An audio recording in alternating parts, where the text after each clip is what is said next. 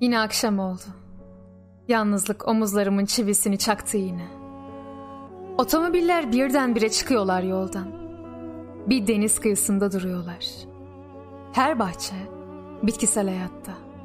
Her aşk bir çocuk çakısı. Her çocuk bir akıl hastası. Her çocuk bir akıl hatası. Her bahçe sürüngen gölgelerden müteşekkil. İnsan üzülmeye görsün. Ona hayat hep suçluluktur. Her insan günü gelince beni suçlayacaktır. Günü gelince her insanı aklayacak bir fırtına çıkacaktır. Bir pazartesiydi. Uyanmıştım. Başucumdaydı her türlü sevincim.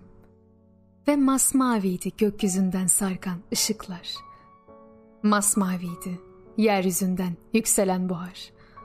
Aklımın ucunda çocukluğum duruyordu. Hafifçe dokunsam çocukluğuma. Aklımın ucundan aşağı düşecekti. Tutamayacaktım.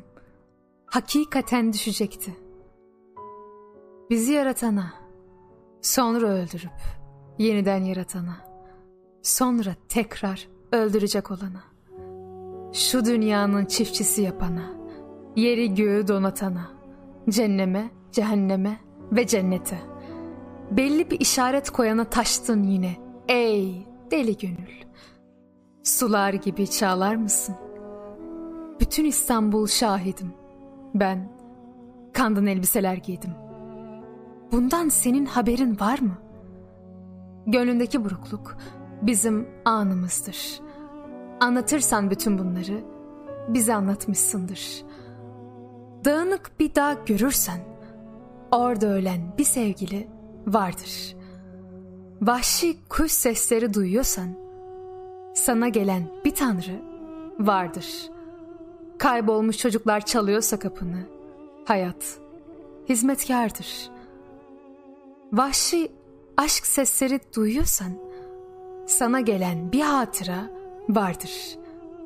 Gözyaşları bile aynı anda çıkmaz bir yüzde iki ayrı gözden. Vahşi yağmur sesleri duyuyorsan sana gelen bir hayal vardır. Devasa orman yangınları başlıyorsa her gece ve yapraksan, vahşi çekiç sesleri duyuyorsan sana gelen bir tabut vardır.''